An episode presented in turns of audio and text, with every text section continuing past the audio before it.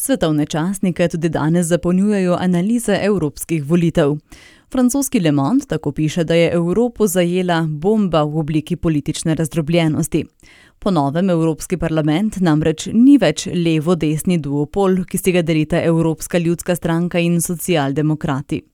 Močno vlogo boste namreč imeli tudi skupini liberalcev in zelenih. Pri Le Mondu pa tudi že napovedujejo številne povolilne šoke širom Evrope. Nemški Frankfurter Allgemeine Zeitung pa piše, da so voditelji držav članic sinoči na vrhu Evropske unije razpravljali o imenovanjih na ključne položaje v Evropski uniji. Voditelji so močno podporo pri imenovanju na položaj predsednice Evropske komisije izrekli dosedanji komisarki za konkurenco Margarete Vestager.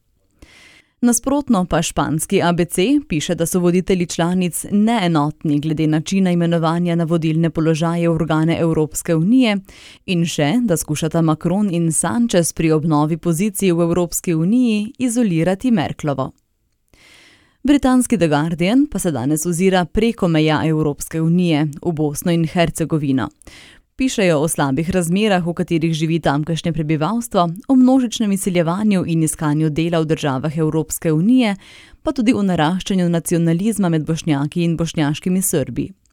Časnik piše, da je tam večkulturni in večetnični projekt v zadnjem času močno ogrožen in da Bosna, bolj kot kdajkoli prej, potrebuje pomoč Evrope.